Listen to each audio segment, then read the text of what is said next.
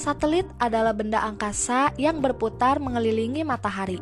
Satelit merupakan salah satu benda langit yang ada dalam tata surya. Satelit termasuk pengiring planet ketika planet melakukan evolusi mengelilingi matahari.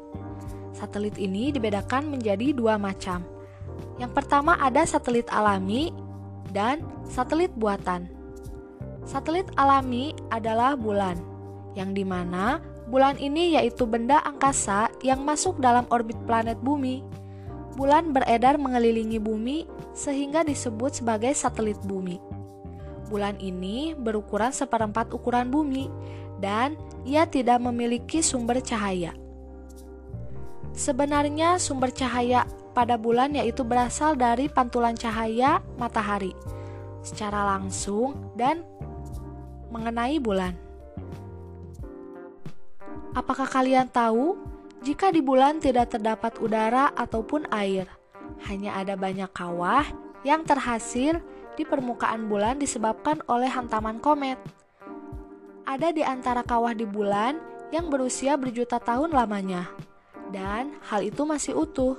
Di antara kawah terbesar di bulan adalah Clavius.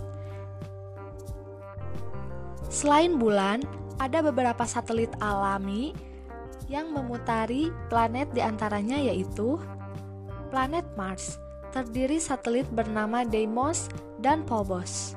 Ada Saturnus, ada Jupiter yang terdiri dari 63 satelit, ada planet Uranus yang tercatat memiliki 27 satelit, lalu yang terakhir terdapat planet Neptunus yang diklaim memiliki 13 satelit.